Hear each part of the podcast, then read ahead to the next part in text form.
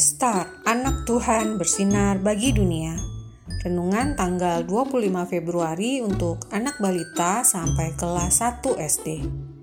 Diambil dari Yesaya pasal 50 ayat 4D.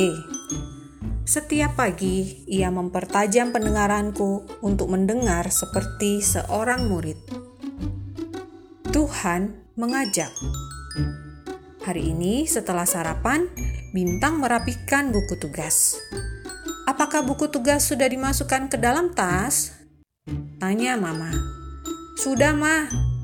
Jawab Bintang. Hebat anak Mama. Anak Tuhan Yesus selalu melakukan yang baik, lebih baik lagi, dan lebih baik lagi. Sambung Mama. Bintang melakukan hal baik setelah kemarin lupa memasukkan buku tugasnya. Hari ini Bintang sudah memasukkan ke dalam tasnya. Adik-adik, cobalah cari dua perbedaan dari gambar di bawah ini. Mari kita berdoa.